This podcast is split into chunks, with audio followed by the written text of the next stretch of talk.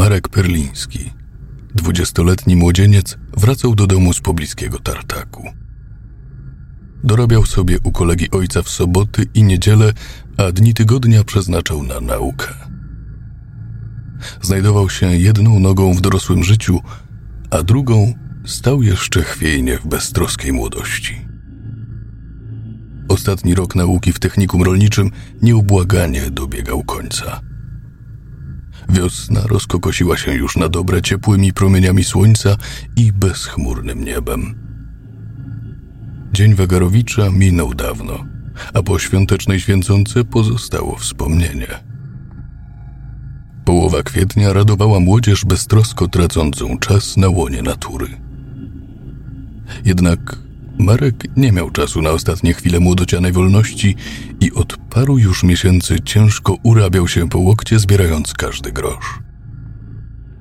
Miał ku temu osobliwy powód, którego nie chciał zdradzić nawet najlepszemu przyjacielowi Przemkowi.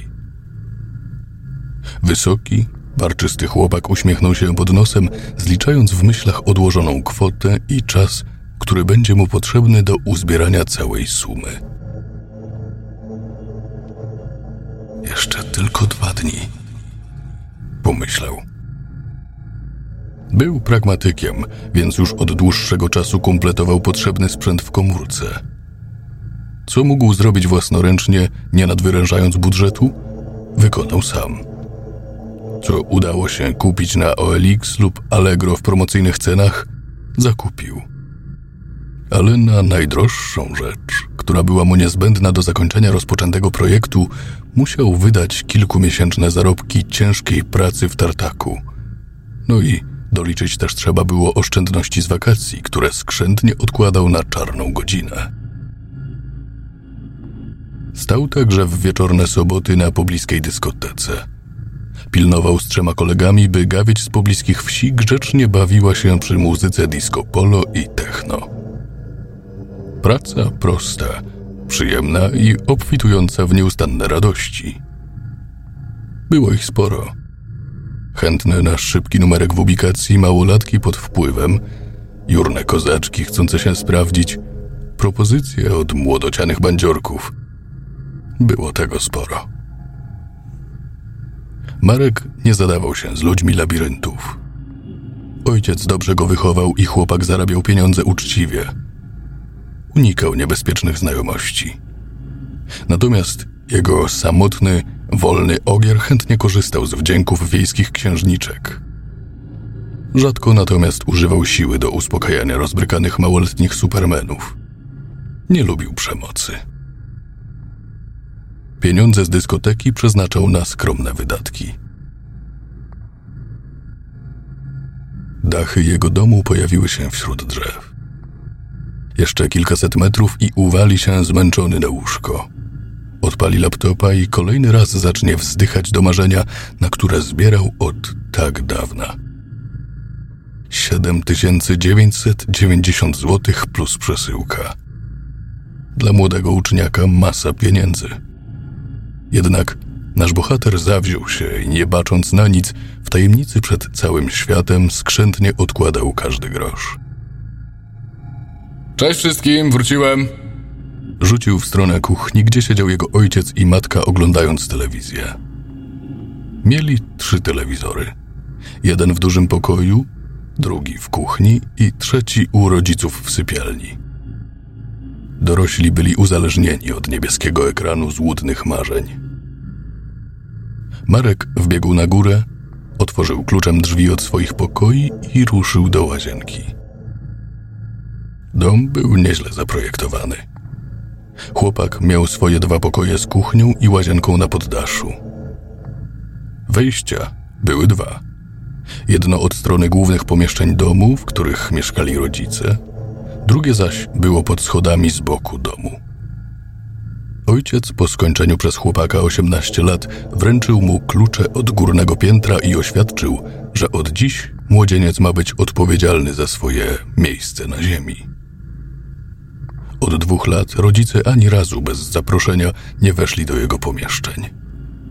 Gdy czegoś chcieli, to pukali do drzwi cierpliwie, czekając na zaproszenie. To był bardzo dobry układ z dorastającym synem. Naprawdę niewielu starszych mogło się zdobyć na taki krok. By dać tyle swobody i autonomii swemu dziecku.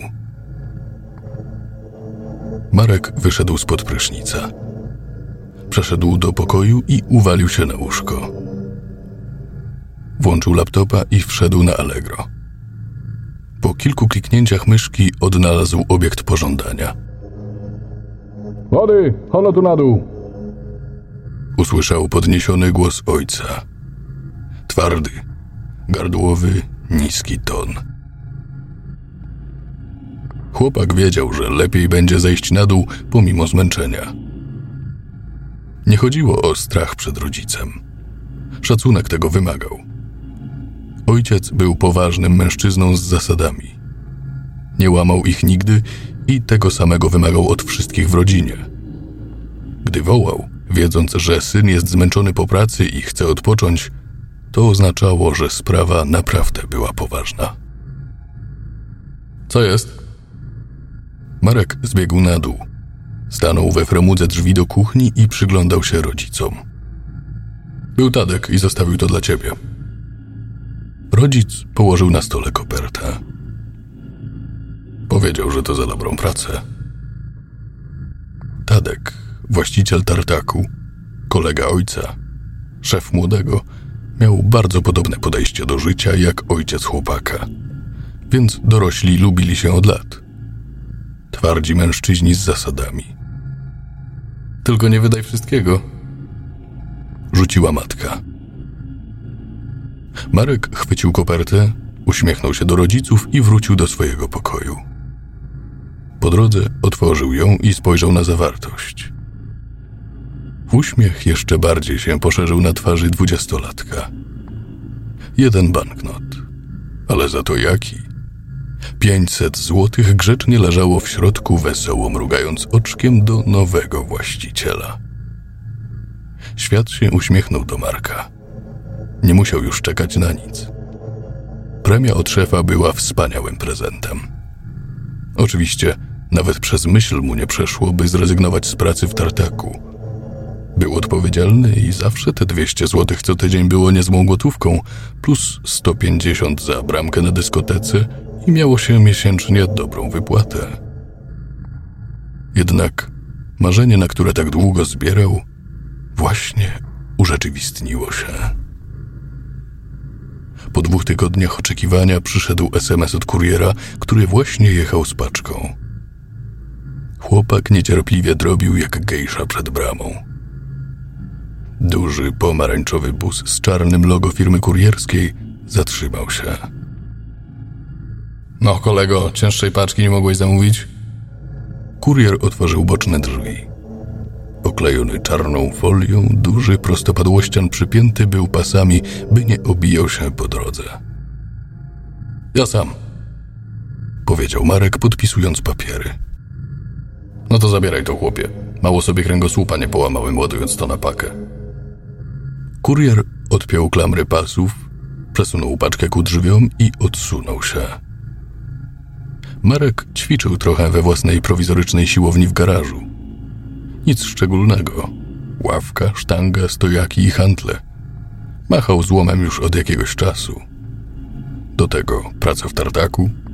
Siłę miał wystarczająco, by unieść paczkę. Prawie 50 kilo. Sapnął kurier. Masz krzepę. Do widzenia. Rzucił przez ramię młodzieniec i ruszył do domu. Tym razem wniósł paczkę bokiem, tak by rodzice nie widzieli. Błogosławił w myślach ojca, który wprowadził takie, a nie inne zasady.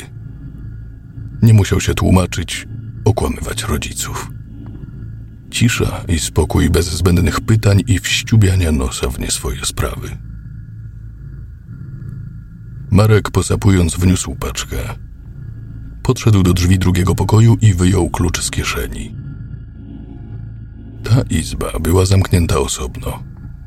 Był to mały, prywatny świat zarezerwowany tylko dla młodzieńca i jego tak długo wyczekiwanego marzenia.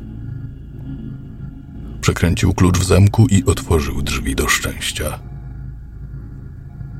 Pokój był namiastką fantazji z opowieści Tysiąca i Jednej Nocy. Ściany wykończone piękną, złotą tapetą w rustykalne wzory. Na podłodze leżał gruby perski dywan. Oczywiście imitacja, ale kogo to naprawdę obchodziło? Piękna, wzorowana na antyczną, biała toaletka z wielkim zwierciadłem. Szkatułki wypełnione sztucznymi świecidełkami, puder, tusz i wszystkie inne dziwy służące do upiększania się. Nad oknem na stylowym karniszu wisiały grube, czerwone zasłony. Ociekały one złotymi frędzlami na brzegach. Jednak największy skarb znajdował się na środku. Było to własnoręcznie wykonane i zbite łoże. Nie byle jakie. Marek miesiącami pracując w tartaku po godzinach toczył na tokarce owale wsporników do baldachimu upływającego atłasami dookoła. Heblował i polerował ramę. Wezgłowie, szczyt łoża, był pokryty misterną siatką bajecznych zawijasów. Miesiące pracy dłutem opłaciło się. Na mocnym stelażu leżał materac. Nie byle jaki. Porządny, kokosowy za tysiąc złotych. Był niemałym wydatkiem, ale opłacało się. Łóżka nie powstydziliby się zamożni chcący mieć coś ekstrawaganckiego i luksusowego w domu. Miesiące pracy, wyrzeczeń, skrzętnie odkładanych oszczędności, poświęcenie koleżeństwa, wspólnych wypadów z paczką przyjaciół, ostatnich lat beztroski. Wszystko to już nie miało znaczenia. Marek powoli odpakował upragnione marzenie. Czarna folia tak mocno przylegała. Dopiero nóż do tapet dał radę. Pudełko. Zimne. Kartonowe. Jakieś chińskie znaczki. Kolejna styropian. Wszystko dobrze, porządnie opakowane, by nie zniszczyć w transporcie jego skarbu. Już to zobaczył. Poprzez ostatnią osłonę, przezroczystą folię. Delikatnie rozdarł ją i odsłonił marzenie. Przeniósł słodycz na łóżko i ustawił tak, by widzieć w całej okazałości obiekt pożądania.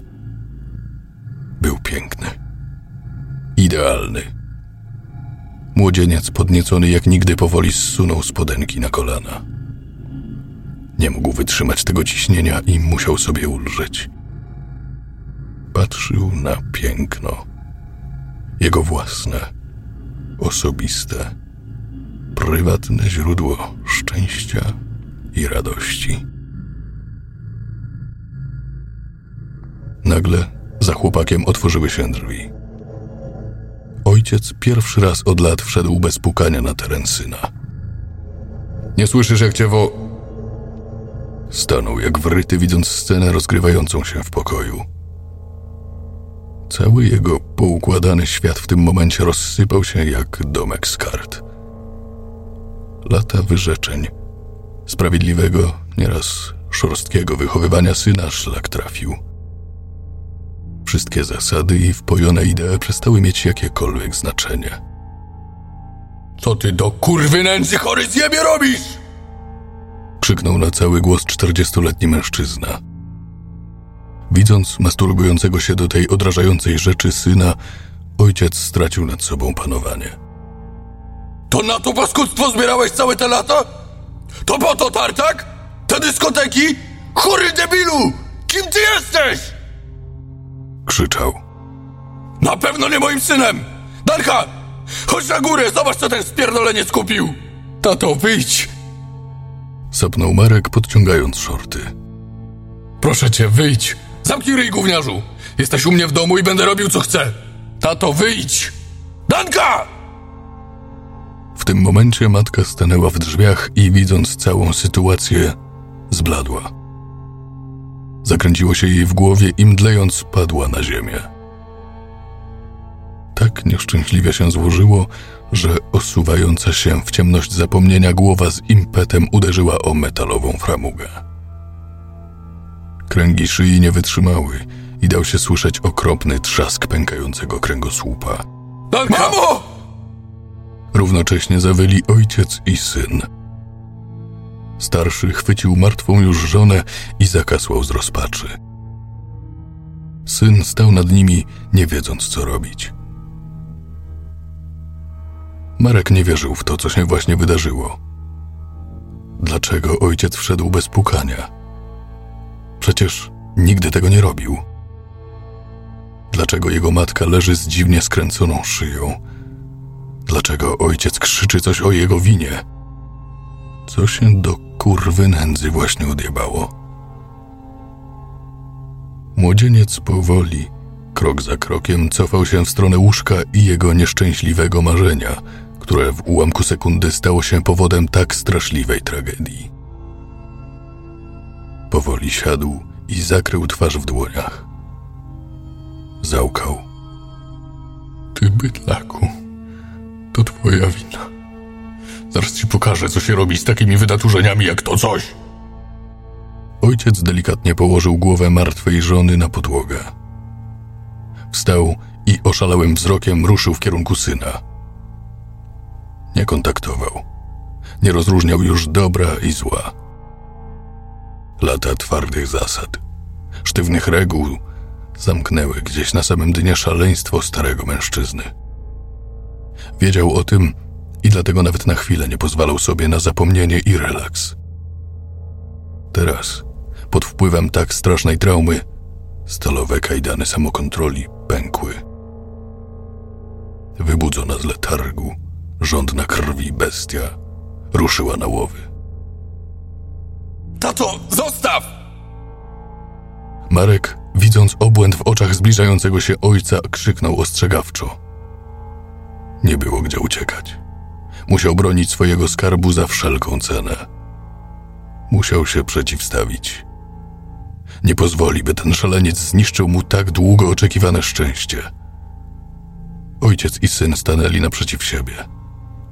Jeden, utraciwszy wszystko, nie miał nic do stracenia. Drugi, broniący wszystkiego, także nie cofnął się nawet o krok.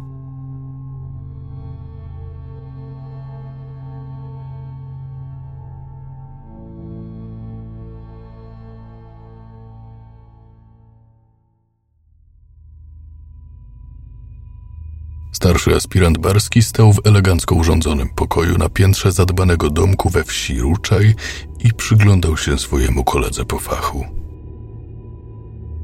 Tragedia rodzinna. Śmierć zabrała całą rodzinę. Matka, ojciec i syn leżeli w zakrzepłej krwi już od kilku dni. Znalazł ich kolega ojca, właściciel pobliskiego tartaku – Detektyw operacyjny Kasprzyk spisywał od dłuższego czasu swoje przemyślenia na temat zaistniałego zdarzenia. I co sądzisz? spytał Barski. Chyba ktoś powiedział nie przyszłej młodej parze. Krzywo uśmiechnął się detektyw. Przestań sobie jaja robić. Trzy trupy. Cała rodzina. Pozabijali się i to wszystko. Patrz, matka upadła i skręciła sobie kark.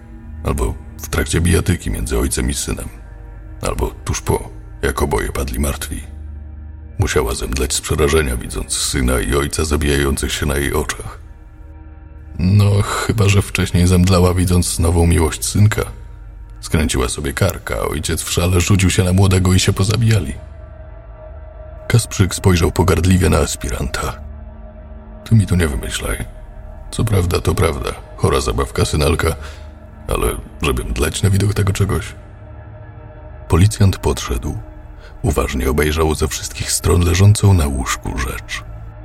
Ciekawe, ile to cholerstwo kosztuje. Zapytał sam siebie. Pewnie drogie.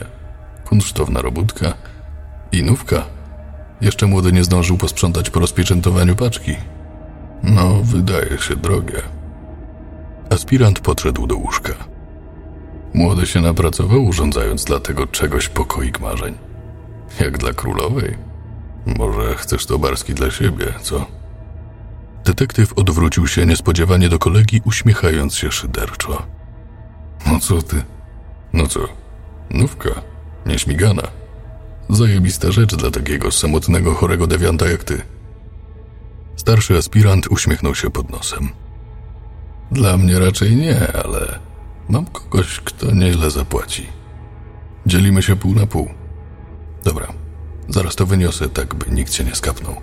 Ty dzwoń po techników i zaczynamy robotę. Późno wieczorem policja skończyła swoje prace. Koroner, prokurator i pobliski zakład pogrzebowy także już odjechał, zabierając nieszczęśników. Dom pozostał opuszczony i samotny. Starszy aspirant Barski podszedł do detektywa. Dobra, stary, ja spadam. Zagadnął. Jako byle to cudo rozliczę się. Tylko ani mrumru. Spadaj z. Dobrze wiem, co będziesz dziś robił. Zarechotał Kasprzyk. A może wpadniesz? Podzielimy się, co?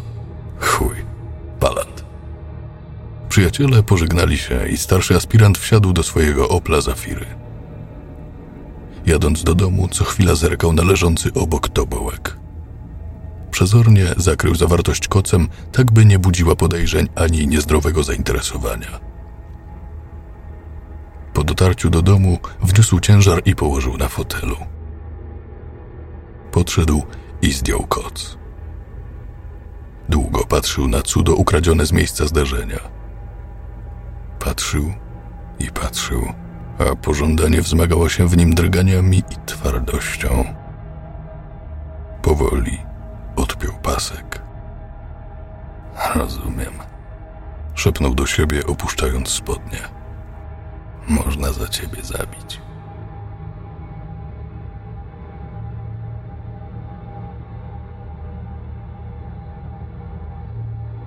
Scenariusz Tomasz Nowicki.